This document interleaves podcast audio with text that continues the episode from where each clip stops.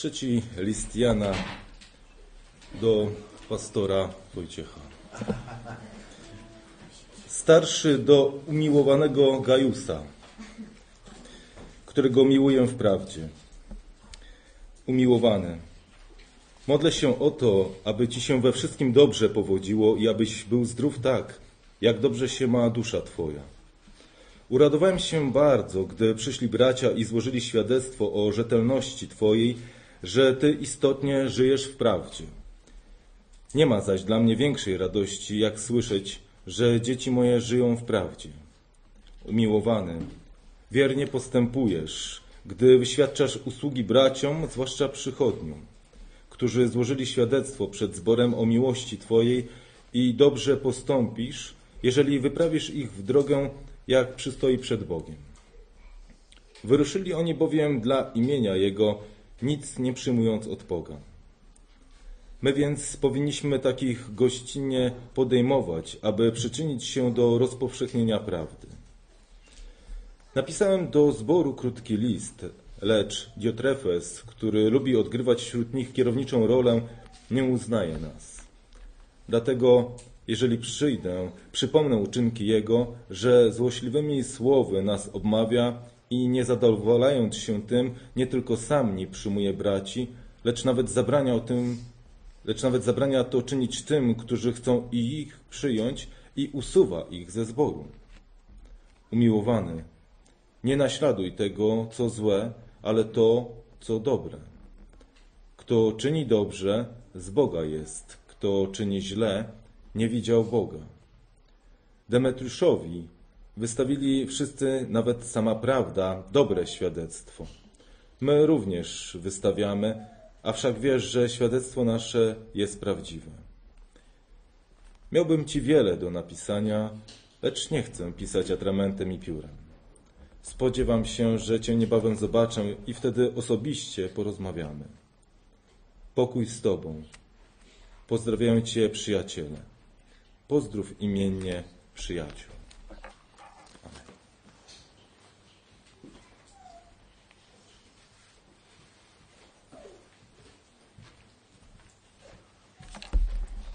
Pobłogosław nas, Ojcze, kiedy rozważamy Twoje słowo, spraw, aby Twój Duch Święty działał w naszych sercach. Chcemy to słowo przyjąć. Jak Twoje sługi, Twoje służebnice, chcemy przejąć się Twoim słowem. Chcemy przejąć się tym, co mówisz. Panie, niech nie wpadnie to do naszego jednego ucha, wypadnie drugim, niech zostanie. Tak, by przyniosło plon, obfity plon. O to Cię prosimy w imię Jezusa Chrystusa. Amen. Dziękuję Przemku za to, że tak pięknie odczytałeś ten tekst. To jest naprawdę super. Zawsze marzyłem o tym, by można było kiedyś przeczytać jakiś cały list, e, żeby posłuchać od początku do końca. Nie tak tylko wziąć jeden tekst, jeden fragmencik, jedno zdanie, jedną myśl, tylko tak po prostu od przeczytać cały. Tak dzisiaj przyszedł taki czas, że, że chyba się marzenie spełniło. Takie miałem marzenie. Trzeci list Jana. E, list, który y, uchodzi za y, jeden z tak zwanych kontrowersyjnych. Kontrowersja tego listu nie polega na tym, y, że jest w nim jakaś nauka, która jest jakaś dziwna, niezgodna z tym, co reszta tekstu Pisma Świętego uczą. Raczej ze względu na to i zwyczajnie, że nie wszystkie kościoły go miały. Uchodził bowiem za taki bardzo prywatny list, który był prawdopodobnie e, należał do jakiegoś jednego lokalnego zboru. E, myśmy się nieraz nad tym zastanawiali, jak to jest, nie? Chodzi o sposób przechowywania tekstów biblijnych, bo te teksty, które my dzisiaj mamy w Nowym Testamencie, te listy, które my mamy w Nowym Testamencie, kiedyś zostały przez kogoś zwyczajnie napisane, czy to przez Pawła do mm, Koryntian, czy do Tesaloniczan, czy mm, przez Piotra do jakiejś wspólnoty, czy do jakichś wspólnot. Co się z nimi później działo? Zastanawiałem się nad tym wielokrotnie, tak sobie snułem pewne wyobrażenia, czytałem trochę na ten temat. Zapewne e, któryś z gospodarzy, który był jakby e, tym, w domu którego się zbierano, e, zachowywał ten list w jakimś swoim sekretarzyku, w jakiejś półce. Był zwojem napisanym, zwojem na papirusie zapewne, a więc znając tamte czasy i, i, i bogactwo chrześcijan, to możemy powiedzieć, że jakość tego papirusu była nie najlepsza.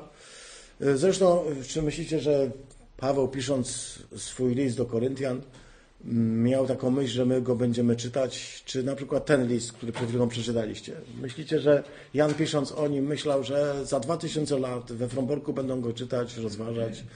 Nie, on napisał krótki list, w którym jest dużo pozytywów i trochę takiego myślenia w kategoriach muszę uporządkować pewne rzeczy. Potem ten list musiał gdzieś zostać w jakimś sekretarzyku u y, owego Gajusza zapewne lub y, u, u gospodarza tego kościoła, tego domu, w którym się zbierano. I pewnie był pieczołowicie y, pielęgnowany. Może ktoś go przepisał, kiedy ten tekst zaczął blaknąć, no bo mówimy, to jest zwyczajnym atramentem pisany na słabym papirusie, więc był traktowany z, z jakąś estymą i pewne środowiska musiały się mm, nim posługiwać, y, ze względu pewnie na to, że i y, drugi i trzeci mają tę samą historię, to znaczy i drugi i trzeci przez y, wiele zborów, wiele kościołów w drugim, trzecim, jeszcze w IV wieku nie były znane. Jak znamy listy tekstów Nowego Testamentu, to te drugi i trzeci list Jana nie były znane. Był znany pierwszy list Jana, ale nie był znany drugi i trzeci.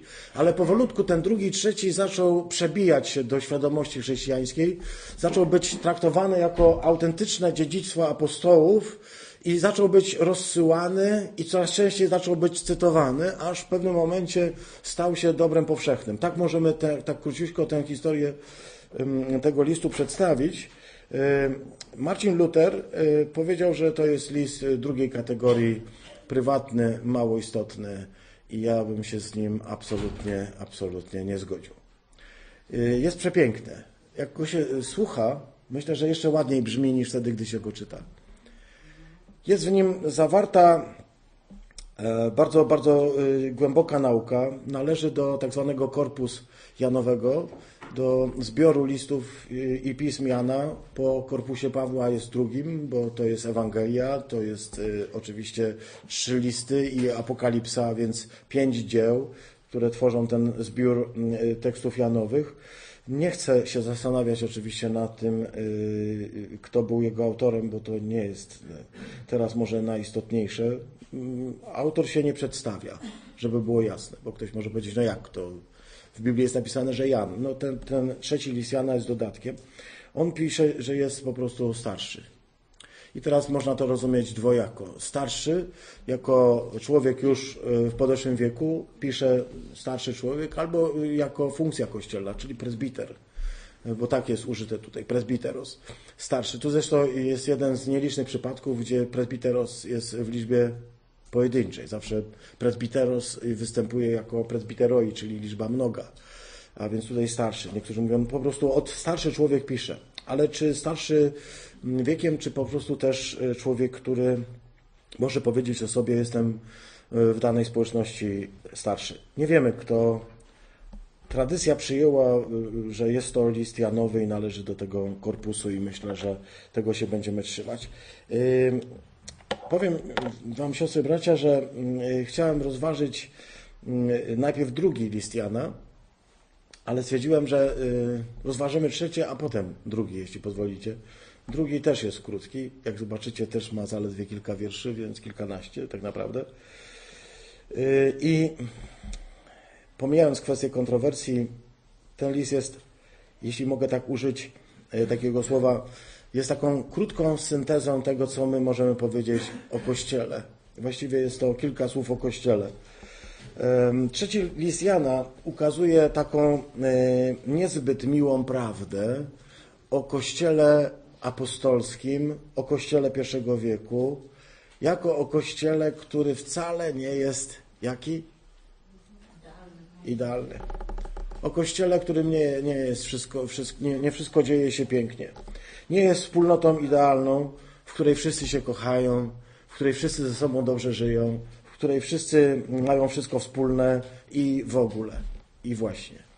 Nie jest taką wspólnotą. Macie takie wrażenie? Jest wspólnotą, w której występują jakieś frakcje, jakieś podziały i ym, nieraz się zastanawiałem, e, siostry bracia, czemu o tym e, tak jasno jest w Biblii napisane. Może właśnie dlatego, żebyś wiedział, po co przychodzić do zboru. Żebyś wiedział, że zbór, czy to ten z pierwszego wieku, czy ten z XXI wieku, czy to tam gdzieś w Azji, może w Efezie, czy to tutaj we Fromborku, nie jest zborem wyłącznie ludzi doskonałych, nie jest zborem idealnym. Możemy powiedzieć śmiało i powtórzyć to, co wszyscy wiemy. Nie ma zboru idealnego. Gdyby taki był, na dodatek nie moglibyśmy do niego należeć, bo my byśmy go popsuli jako nieidealni. W związku z tym zbór z natury rzeczy i każdy kościół i każda wspólnota, poza pierwszym wrażeniem, jaki możemy mieć, że to jest wspólnota ludzi idealnych, że to są aniołowie, że praktycznie to nawet widzę, jak im skrzydła rosną, że jak się rusza, to widzi, jak mu aureola chodzi nad głową, a nawet nie jedna, trzy, pięć, dziewięć, w ogóle 11. No patrzę się, wspaniali ludzie. Miałeś kiedyś taki wzrok i widziałeś kiedyś tak Kościół i szkoda, że ci przeszło, ale y, niektórym zostaje i Bogu niech będą dzięki. Patrzą się na wspólnotę, na Kościół jako na grupę y, absolutnie idealną. To jest naprawdę coś fantastycznego. Chciałbym, żeby każdy z nas to został, żeby został w takim patrzeniu, ale mm, no cóż, opadają nam nieraz ręce nieraz łuski albo coś innego. Dostrzegamy słabość czyjąś konkretnie, słabość jakiejś niedoskonałości. I wtedy, kiedy już zaczynam sobie myśleć, e, że ta wspólnota nie jest wcale idealna, że ci ludzie nie są idealni, i zaczynam sobie myśleć, gdzie ja trafiłem. Może nie jest to właściwe miejsce, może są inne miejsca, może są wspaniałe kościoły, może są naprawdę wspaniali ludzie. Wtedy, czytając ten tekst, dociera do mnie, że nie ma, nie było i niestety nie będzie. Póki tu jesteśmy ludźmi. Takich relacji, które zawsze będą dobre, piękne i gdzie będzie naprawdę wszystko dobrze się działo. Tutaj żyjąc, zarówno wtedy, gdy się ma taki znikomy autorytet jak nasz, i znikome imię jak moje, czy tak wielkie imię jak apostoł święty Jan, umiłowany uczeń Jezusa Chrystusa, ten, który w czasie wieczerzy e, ostatniej leżał na piersi Chrystusa, ten, który jako jedyny z apostołów stał pod krzyżem, kiedy Chrystus umierał, ten, który jako pierwszy przybył do grobu, ten, który widział zmartwychwstałego, ten Jan, który jest dla nas absolutnym e, bohaterem wiary, człowiekiem wyjątkowym, którego listy, którego dzieła, którego pisma, którego tradycja jest po prostu najpiękniejszą, najwznioślejszą. Ten Jan mało ma do powiedzenia w tym zborze. Zauważyliście? Próbuje coś się przebić, próbuje coś powiedzieć, okazuje się, że nikt go nie słucha, że jakiś jeden czy drugi, ale że ktoś inny tam rządzi, ktoś inny decyduje, ktoś inny ma większy autorytet. Wyobrażacie sobie takie chrześcijaństwo? Wyobrażacie sobie takie pierwsze chrześcijaństwo? Chrześcijaństwo, gdzie Jan, który jest wspaniałym autorem takich dzieł, jest jednym z wielkich bohaterów wiary, tak naprawdę jest zwyczajnie lekceważony. Zastanawiałem się nad tym i powiem szczerze, trudno sobie to wyobrazić, chyba że on był naprawdę dużo starszy już. Chyba że on był starszy. Chyba że on był stary. I ludzie, wiecie, jak traktują e, starszych ludzi. E, starszy człowiek przede wszystkim jest e, już, no, jakby powiedzieć, nie dzisiejszy wiesz, dziadek, to już nie te czasy. Takie babcie, takie dziadka, to już nie te czasy, wiesz, to już nie tak się dzisiaj, wiesz. Tak się kiedyś, tak to kiedyś, tak to było. Ale dzisiaj to już nie w ten sposób, wiesz. Ty już jesteś, ty już teraz to zostaw nam. Ty weź sobie usiądź w ławeczce, ty sobie posiedź, ty sobie odpocznij, ty się nie denerwuj. Ty po prostu weź sobie jakąś, zrób herbatę ziołową, melisę, o, to jest dobre. Nie denerwuj się, usiądź sobie spokojnie, posłuchaj. Teraz my tu młodsi, wiesz, teraz świat się zmienił, ty nawet nie wiesz, to już jest trochę inaczej. Może dlatego napisał starszy? Nie wiem. Może dlatego właśnie tak się przedstawił, jako człowiek trochę nie tutejszy, jako człowiek trochę nie tej daty. Jako stary człowiek, który myśli w takich kategoriach jakby przeszłych troszkę takich jak Kościół był od początku. On jest trochę nie dzisiejszy i on rzeczywiście do tego świata, który jest, nie bardzo pasuje. Chcę powiedzieć, siostry, bracia, w ten sposób tylko jedną rzecz. Mianowicie, e, każdy zbór, każda wspólnota, która buduje się na Chrystusie w wierze i w miłości, musi w pewnych momentach przeżywać pewien kryzys, takie doświadczenie, które powoduje, że uświadamiamy sobie po pierwsze, że nie jesteśmy wspólnotą idealną, a po drugie musimy sobie zadać kolejny raz pytanie, czemu tu jesteśmy, po co tu jesteśmy, co mamy tu do zrobienia.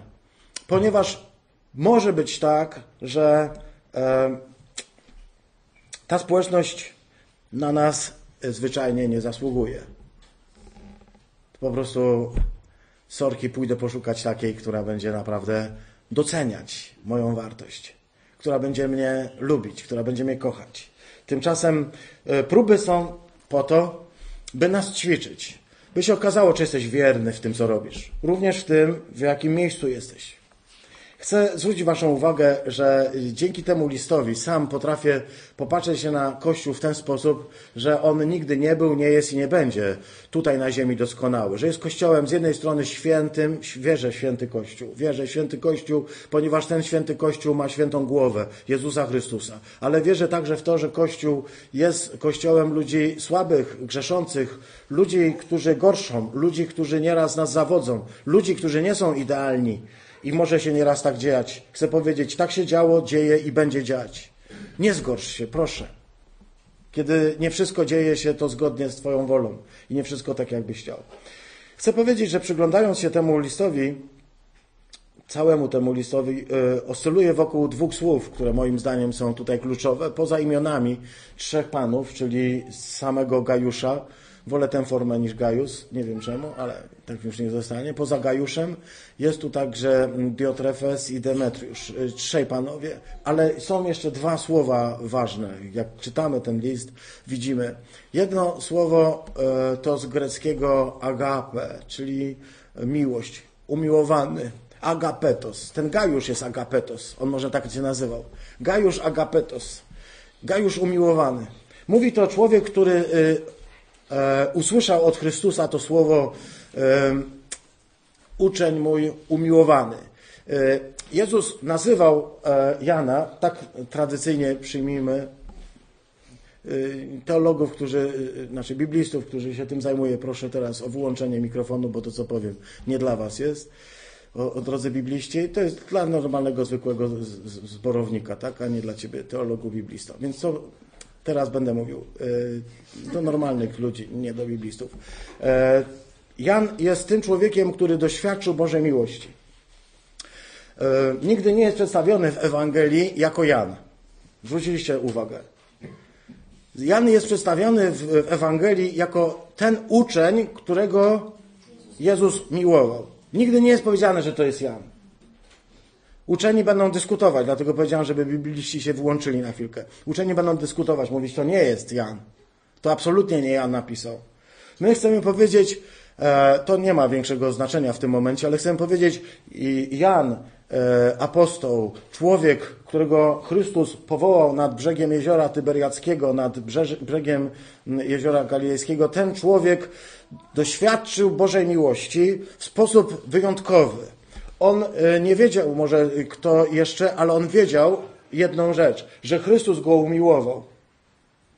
To doświadczenie, że był umiłowanym uczniem.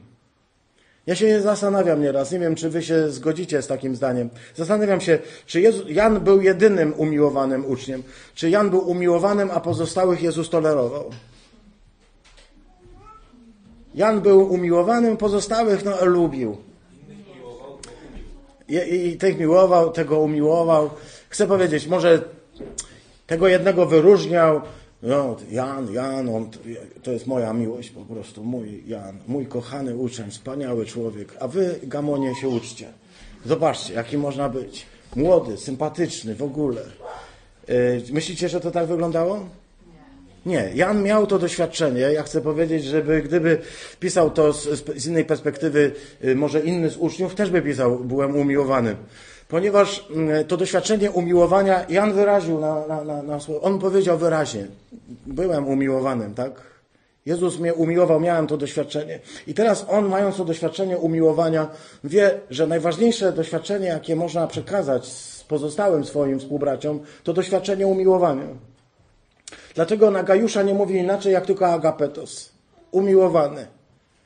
Sam jest umiłowany i innych będzie umiłował. Jeśli będzie zakompleksiony, to on będzie do Gajusza patrzył na Gajusza w jaki sposób? Będzie zakompleksiony. Gajusz też będzie zakompleksiony. Yy, Jechałem wczoraj koło jednego kościoła, a tam stał bałwan. Bałwan. I mogłem powiedzieć sobie, o ty bałwanie. Yy, Jeśli sam e, jesteś człowiekiem zaszczutym, zakompleksiałym, człowiekiem o niskiej poczuciu wartości, to możesz patrzeć na innych także z tej perspektywy i myśleć o nich barany, bałwany, idioci i tak dalej. Słyszysz nieraz ludzi, którzy w ten sposób mówią, nie? Dlaczego oni tak mówią? Bo mają takie doświadczenie o sobie samych, bo ludzie na nich inaczej nie mówią, więc oni też w ten sposób mówią. Ale jeśli Bóg do niego przemówił, do Jana, i mu go przekonał o tym, że jest umiłowanym uczniem, to myślisz, że co będzie robił?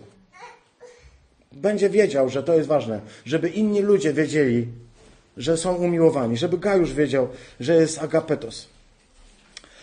To jest słowo y, jedno, agape, a drugie słowo, takie, które y, zdobyło kiedyś y, moją uwagę, a potem już na długo pozostało dla mnie rodzajem brzemienia, ponieważ zajmowałem się tematem przez trzy lata, czy może cztery, i już miałem go dość.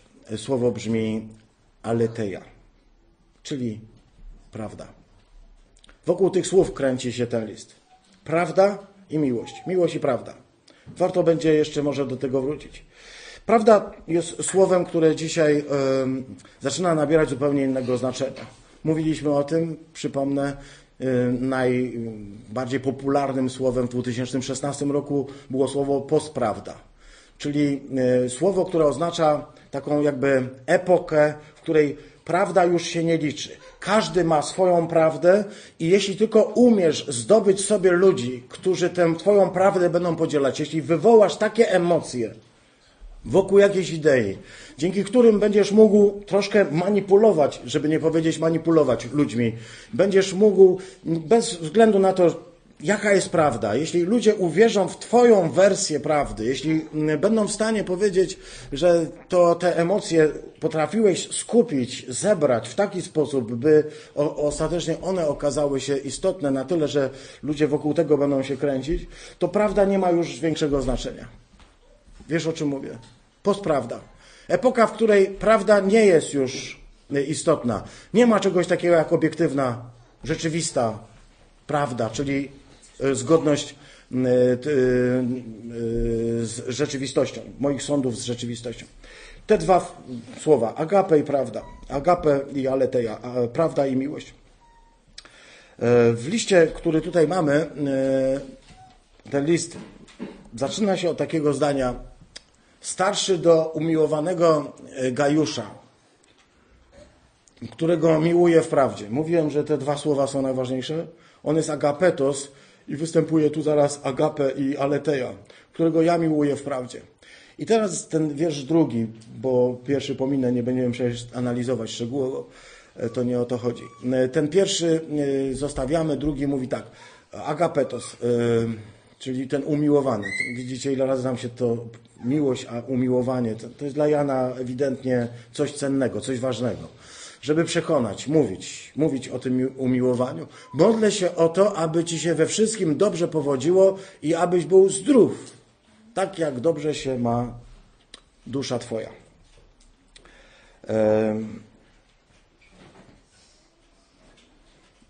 Mówimy o tym, że w pozdrowieniach do, w listach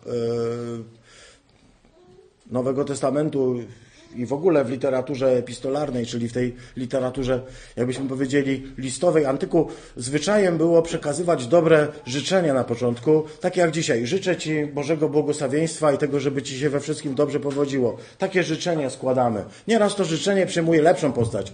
Modlę się o to, żeby Ci we wszystkim się dobrze powodziło. Modlę się o to, żeby Ci Pan Bóg błogosławił. Wiecie, że Niektórzy nauczyciele Słowa Bożego zrobili z tego drugiego wiersza e, najważniejsze słowo e, z Biblii. Czy wiecie o tym? Bo chcę się zapytać, y, na jakim etapie jesteśmy w, y, w komunikacji do tego? Nie, nie wiemy? Wiemy. Grzegorz wie. Pozostali nie wiedzą. No cóż. E, otóż e, ten drugi wiersz, zobaczcie go. E, w niektórych teologiach, na przykład w teologii koreańskiej, w teologii kościoła Yonggi Cho, a potem także w teologii e, prosperity, tej teologii Ewangelii e, po- powodzenia, stał się sztandarowym tekstem. Stał się tekstem sztandarowym w tym sensie, że uznano, że w nim zawarta jest cała myśl, jaką Bóg ma o Twoim życiu. Ta myśl o Twoim życiu oznacza przede wszystkim, że będzie Ci się we wszystkim dobrze powodziło, aby, żeby Ci się dobrze powodziło, abyś był zdrów.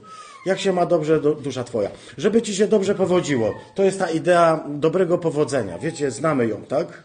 Idea dobrego powodzenia to jest to, żeby e, niczego Ci nie brakowało, czego byś sobie tylko życzył. Oczywiście przede wszystkim pieniędzy, e, przede wszystkim tych materialnych i fi- finansowych rzeczy, ale także oczywiście i tego, co najważniejsze, czyli zdrowia, bo zdrowie jest najważniejsze. Ja chcę powiedzieć, y, siostry i bracia, że bardzo trudno e, y, dyskutować z takim zdaniem, że Bóg chce, by się człowiekowi dobrze powodziło. Nie chce przecież przecież powiedzieć, że Bogu nie zależy na tym, żeby ci się dobrze powodziło i żebyś był zdrowy. Y, Ważną rzeczą jest, ja myślę tutaj, i nie będę tego rozwijał, bo ja nie, nie chcę krytykować jakiejś teologii, ja czy chciałbym zbudować coś pozytywnego. Moja pozytywna myśl brzmi tak. Po pierwsze, E, Jest to modlitwa. Modlę się o to, aby tak się stało. Modlę się o to, to nie znaczy oczywiście, że tak się stać musi. Ja się o to modlę, wierzę w to, ale to Pan Bóg ostatecznie sprawi, czy będzie Ci się we wszystkim dobrze powodziło, czy okaże się, że są jakieś braki, są jakieś trudności, że przechodzisz jakiś problem, że po prostu jak święty y, y, Paweł albo jak Dawid idziesz ciemną doliną, w której nie widzisz absolutnie wyjścia, rozwiązania. Mówiliśmy o tym wczoraj y, w kościele, prawda? Y, Gdzie mieliśmy okazję głosić słowo. Stajesz nieraz w okolicznościach, gdy przed tobą jest Morze Czerwone, a za tobą jest armia faraona i nie masz gdzie uciec. Są takie momenty. Czy to jest stan dobrego powodzenia, czy to jest stan powodzenia? Nie, to jest stan kryzysu. Ale to właśnie w czasie tego kryzysu Bóg okazuje się potężnym władcą. To jest ten, który rozdziela wody Morza Czerwonego i potrafi spowodować, żeby naród izraelski przeszedł suchą stopą przez dno Morza Czerwonego. I więcej jeszcze, jest w stanie pochłonąć wszystkich wrogów swoich w wodach tego Morza Czerwonego. To jest cud. Czy takie powodzenie masz na myśli, mówiąc, że wierzysz w to powodzenie? Że masz na myśli właśnie to powodzenie, w którym jesteś z Bogiem nieraz w najtrudniejszych okolicznościach, nie e, obsypany złotem czy e, wspaniale prosperujący, ale po prostu w trudnościach. Powodzenie polega na tym, że Bóg cię wtedy nie opuszcza. Na tym polega powodzenie. Nieraz powodzeniem jest tylko to, że możesz być. Prawda? Nieraz wszystko to, co e, możesz powiedzieć, to tylko to trwam dalej przy Panu Bogu. Nic więcej nie potrafię powiedzieć. Nie potrafię widzieć, nie potrafię dostrzec nawet, nawet e, światełka w tunelu. Mogę tylko powiedzieć, jestem. I to jest e, wielkie powodzenie, muszę Ci powiedzieć. Bo wielu ludzi tego nie ma. Nie chcę więc krytykować. Chcę powiedzieć tak. Po pierwsze, modlitwa. Modlę się o to, aby Ci się to wszystko pięknie działo. I to jest dobre życzenie. My też się śpiewamy 100 lat. Chcę się zapytać, tak poważnie przez chwilkę, dobra? Zupełnie poważnie. Kto z Was chciałby dożyć wieku 100 lat? Ręka do góry. Nie, nie pytam, kto nie chce, tylko kto chciałby dożyć. Raz, dwa, trzy, cztery. Cztery. Cztery osoby w tym zgromadzeniu powiedziały, że chciałyby dożyć 100 lat. Reszta? Reszcie nie śpiewamy. 100 lat, 100 lat, 100 lat, 100 lat, niechaj żyje nam. Chcę, chcę powiedzieć, że dla nas y, fakt, że ktoś żyje 100 lat, czy wcale nie jest oznaką jakiegoś wielkiego błogosławieństwa. Mówimy 100 lat, ale wcale nie mamy na myśli, żebyś musiał koniecznie żyć 100 lat, bo wiemy, że nieraz Nieraz dobrze by było, jakbyś odszedł trochę wcześniej, bo po co masz się specjalnie zamęczać, e, patrząc na to i owo. chciałbym zwrócić Waszą uwagę, że e, modlę się o to, aby Ci się we wszystkim dobrze powodziło. Przecież e, jak składamy życzenia, to nie modlimy się i nie życzymy komuś. Życzę Ci tak naprawdę, byś przeżył kryzys, dzięki któremu będziesz mógł żyć pełnią życia. Ktoś kiedyś składał komuś takie życzenia? Nigdy. A czy one są sensowne? Są. Ponieważ lepiej, żeby człowiek przeżył kryzys, dzięki któremu zobaczy sens tego wszystkiego, przez co idzie, niż ma iść jak ta, bym powiedział, jak, jak po prostu automat, który y, jest szczęśliwy, jest szczęśliwy, nawet tego nie wie. Nieraz potrzebny nam jest kryzys i nieraz potrzebne są nam doświadczenia. To jest fan, fantastyczna rzecz. Ja nie o tym chciałbym mówić, chciałbym zwrócić Waszą uwagę na coś jeszcze innego, na słowo równowaga. On mówi tutaj o równowadze. Umiłowany, modlę się o to, aby Ci we wszystkim się dobrze powodziło, abyś był zdrów, tak jak dobrze ma się Twoja dusza. Równowaga. Ja myślę, że Bóg chciałby takiej równowagi, tak? Bóg chce równowagi i myślę sobie, że my chcielibyśmy równowagi. Pewna równowaga między życiem duchowym a życiem materialnym, życiem fizycznym. Otóż historia Kościoła ciągle znała i zna takie historie o nierównowadze. Były czasy, kiedy uznawano, że ciało i że powodzenie i że materia to jest coś naprawdę okropnego. Znacie wszyscy historię o biczownikach, którzy mm, fizycznie jakby doświadczali swojego ciała, żeby to ciało podporządkować. E, znamy e, ludzi, którzy nadmiernie pościli, żeby coś zrobić. Znamy ludzi, którzy spędzali całe lata na słupach, tak zwanych słupników, e, mnichów, słupników, którzy siedzieli całymi latami na wierzchu jakiejś kilkumetrowej, no, metrowego słupa i tam pościli, tam się modlili, ludzie przynosili im jedzenie, wciągali to na górę gdzieś tam. Ale znamy także takie przypadki, jak ludzie zamykali się w małych pomieszczeniach. Tutaj jedna niedaleko tak właśnie żyła i tak właśnie zmarła. Zamknęła się w niewielkiej celi, zamurowano ją. Był tylko mały, y, małe światełko, małe okienko, w której podawano jej jedzenie. Żyła tak nie wiem, czy rok, czy półtora roku. Zmarła w celi nieogrzewanej, w celi zimnej. Y, nikt nie ogarniał tego, co tam się działo. W tym sensie, y, rozumiecie, dostała trochę siana pod siebie i to wszystko. E, znamy taki rodzaj e, ascezy, prawda? Nie jest on dla nas e, specjalnie zrozumiały. Możemy mieć szacunek do ludzi, którzy wybierają pewne style życia. Mogę mieć szacunek do osoby, która postanowiła jakoś poświęcić się modlitwie, nawet za cenę tego, że się da zamurować, żeby jej nic nie przeszkadzało. Nie chcę z tym dyskutować. Może ktoś powie, że to głupie. Ja powiem, nie chcę z tym dyskutować. Pan Bóg każdego rozliczy, nie ja. Nie dla mnie to zrobiła, nie dla nas. Jej wola, tak? Jej życie. Kiedyś Pan Bóg ją z tego rozliczy. Ale ja chcę powiedzieć, że te, ta jedna skrajność, gdzie się mm, y, dyskwalifikuje swoje własne ciało, uznając, że ono jest czymś y, nie, nie, nie nadzwyczajnym, y, ma dzisiaj chyba drugą skrajność, gdy Kościół akcentuje właśnie, afirmuje powodzenie Powodzenie e, to materialne, to, e, które oznacza, że e, dobra nowina brzmi Pan Bóg Cię kocha i chce, żeby Ci niczego nie brakowało. Żeby Ci nie brakowało pieniędzy na koncie, żeby Ci nie brakowało żadnej pomyślności, żeby, żebyś nie tylko Ty miał wspaniałe, absolutnie doskonałe życie, ale żeby Twój pies, Twój kot, cokolwiek tam Twojego jeszcze jest, żeby oni wszyscy opływali we wszystko, co najpiękniejsze. Znamy taką Ewangelię?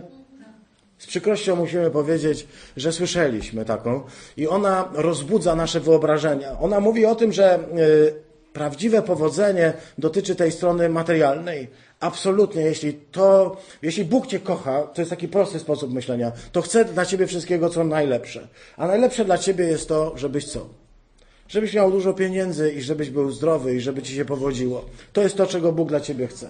Ja chcę powiedzieć, to jest niezrozumienie zasady, podstawy, istoty Ewangelii, tak?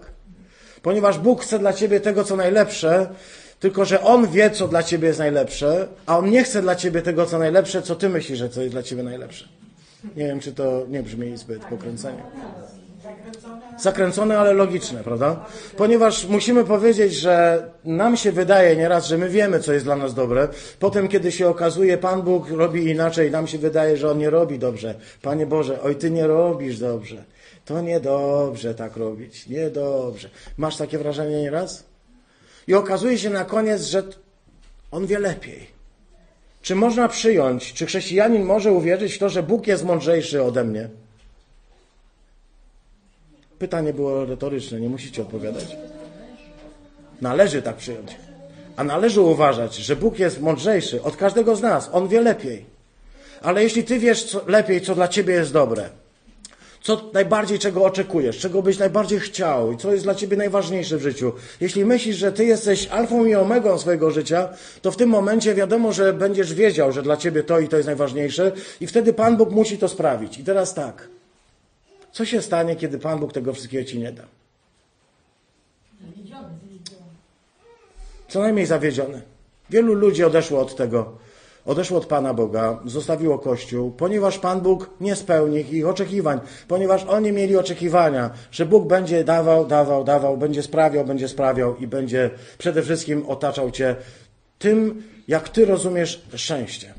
I kiedy On tego nie będzie czynił, kiedy doświadczy Cię tak, jak doświadczył Jeremiasza, kiedy doświadczy Cię tak, jak doświadczył Hioba, kiedy doświadczy Cię jakimiś doświadczeniami, próbami trudnymi, którymi doświadczał mężów Bożych, to możesz powiedzieć wtedy, a to ja przepraszam. Bóg chciałby, żebyś złapał równowagę między tymi dwoma skrajnościami. Nie chodzi o to, że Twoje ciało jest nieważne. Nie chodzi o to, że powodzenie w życiu jest nieistotne. Chodzi o to, by umieć złapać równowagę. Umiesz już ją? Łapiesz ją? Wiesz, że jedno jest ściśle związane z drugą, z drugą, oby ci się tak dobrze powodziło, jak dobrze się ma twoja dusza. Czyli w co zainwestujesz? W duszę. W to inwestuj, a reszta to jest właśnie ten, ten, yy, ten punkt widzenia. Nie ma czegoś takiego jak automatyczne powodzenie, które jest przypisane do chrześcijaństwa. Zawsze myślę wtedy o naszych braciach, którzy y, dzisiaj cierpią z powodu e, prześladowań. O braciach, którzy siedzą w więzieniach. Co im masz powiedzieć? Że co? Że mają się modlić o to, żeby tych tyranów pozabijało, żeby oni mieli powodzenie, żeby co?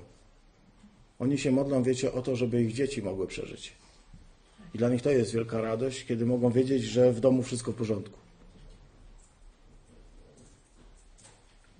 Ta epistolarna formuła, którą tutaj znajdujemy w wierszu drugim, może nam nieraz y, jakby zaciemieć oczy, ale nigdy nie uwierzyłem nawet czytając tę literaturę, że ktoś może z tego drugiego wiersza zrobić sztandarowy tekst Nowego Testamentu.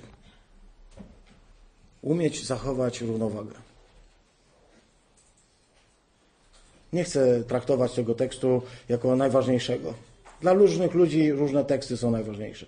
Dla LNG Y najważniejsze jest to, że czwarte przykazanie mówi, że będziesz przestrzegał szabatu i szabat jest najważniejszy. Dla innych ten tekst jest najważniejszy. Jaki tekst jest dla ciebie najważniejszy? Każdy z nas może mieć jakąś własną prawdę. Mówimy, że Gajusz to człowiek, który nie tylko jest umiłowany, ale to jest człowiek, który żyje w prawdzie.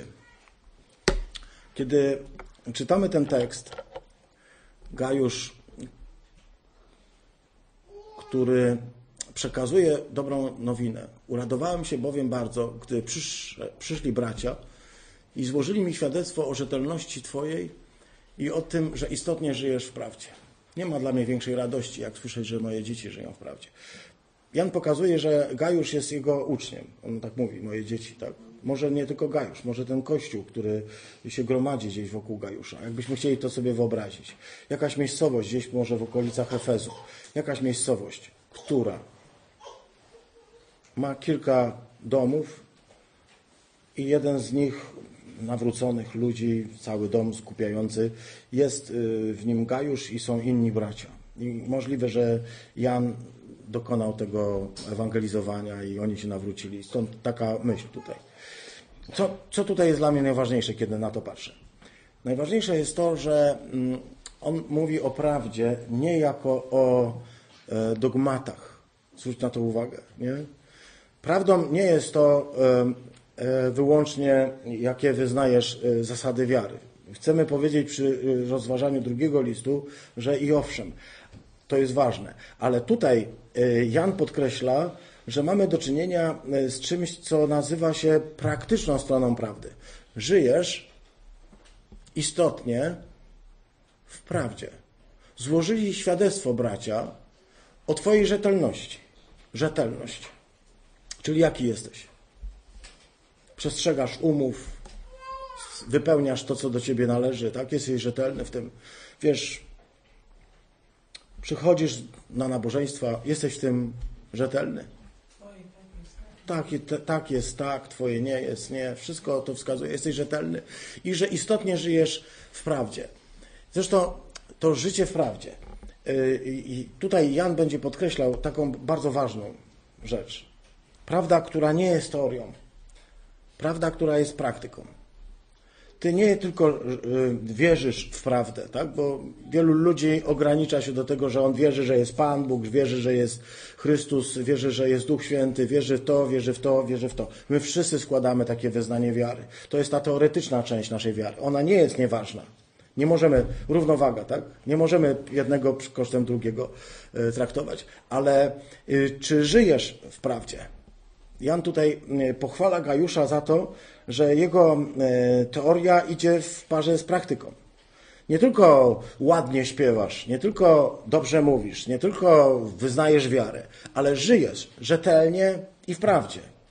Mówi, nic mnie tak nie cieszy, jak to, że ludzie żyją zgodnie z prawdą. Czyli zgodnie z tym, jak e, rozumieją prawdę.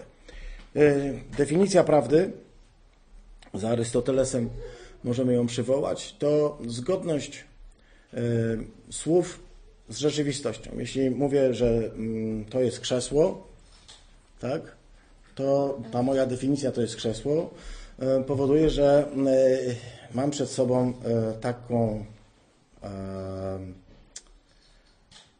taki twór, konstrukcję, która służy do siedzenia i, i ma funkcję krzesła. I to jest prawda. Jeśli bym popatrzył się na to i powiedział, to jest stół, no to bym y, nie był y, zgodny z rzeczywistością. Tak? Czyli prawda jest zgodnością sądu z rzeczywistością, mówi Arystoteles. Ja zwrócę Waszą uwagę tylko w tym momencie na to, że żyć zgodnie z prawdą, czyli żyć zgodnie z tym, co się wyznaje. To jest ta sztuka. Czy nam się udaje? Na tym chciałbym na dzisiaj to rozważanie zamknąć. Czy nam się udaje, siostry bracia, żeby nasza teoria szła w parze z praktyką? E, tutaj widzimy, że mm, e, Gajusz był człowiekiem, którego Jan pochwalał. Mówił, to jest naprawdę fantastyczne, że ty postępujesz tak. To, że ty tak postępujesz, ja to widzę, mówi Jan, ale nie tylko ja to widzę. Ja to widzę, ale widzą to także inni ludzie. Przyszli do, do mnie e, ludzie, którzy byli w tym zborze, w którym byłeś i widzą, że złożyli świadectwo przed zborem o Twojej miłości i o tym, że dobrze postępujesz, tak? I widzę, że stoisz w prawdzie. Oni też to widzą, bo to widać, tak? Czy stoisz w prawdzie, czy jesteś człowiekiem rzetelnym, czy trzymasz się zasad, czy tylko gadasz o tym, czy tylko mówisz i czy tylko wyłącznie jakoś y, zachowujesz to w sferze y, tej teorii. Jan y, mówi tak, ważna jest na pewno teoria, bo będzie o tym drugim liście, ale y, to Twoje życie, Twoja rzetelność, to istotne przebywanie w prawdzie, to jest istotne, to jest ważne. Jak my budujemy tę relację? Czy ludzie mogą złożyć tutaj i dostrzec to świadectwo? Czy moje życie jest komplementarne? Czy składa się y, teoria z praktyką w jedną całość? Czy to jest coś takiego, że teoretycznie jestem chrześcijaninem, praktycznie jestem ateistą? Y, teoretycznie uważam, że y, wszystko jest pięknie, praktycznie po prostu postępuję jak ktoś, kto w ogóle Chrystusa nie zna. I mówi tutaj, niczego nie zmieniaj, niczego nie zmieniaj, Gajuszu, pogłębiaj to, idź dalej, idź głębiej, tak? Nie zmieniaj, kierunek jest dobry. Chrześcijanin to człowiek, który e, jest umiłowanym przez Boga, który poznał prawdę, ale który w tej prawdzie postępuje. Postępuje zgodnie z prawdą, to znaczy zgodnie z sprawiedliwością. Postępuje zgodnie ze sprawiedliwością. I oczywiście nie wszystko nam jeszcze wciąż wychodzi, ale e, idzie i ma iść w tę stronę. I nie ma większej radości, mówi święty Jan, jak widzieć ludzi, którzy rzetelnie wkraczają coraz głębiej i coraz głębiej w prawdę, którą postępują. Bardzo mi się podoba ten e, tekst i ten fragment, który e, podkreśla, że prawda nie jest e, jakąś teoretyczną, zdefiniowaną linią dogmatów, ale jest konkretnym życiowym mottem. żyć zgodnie z tym, w co wierzę. Siostry bracia, niech będzie to dla nas zadanie na całe życie, ale na pewno na ten tydzień. Zobaczę, na ile ja żyję zgodnie z tym, jak, jak mówię, na ile ja żyję zgodnie z Ewangelią. Czy żyję zgodnie z Ewangelią? Czy mogę się tak też pomodlić? Panie, pokaż mi, czy żyję zgodnie z Ewangelią? Czy żyję zgodnie z tym, co mówię? Czy żyję zgodnie z tym, co głoszę? Czy jest pomiędzy mną jakaś, jakiś, e, jakiś rodzaj schizofrenii we mnie, że coś innego mówię, coś innego robię, coś innego myślę, coś innego wypowiadam? Spraw bym tak potrafił, żeby e, ta agapetos i ta aleteja jakoś były we mnie jak siostry bliźniaczki. Amen. Amen.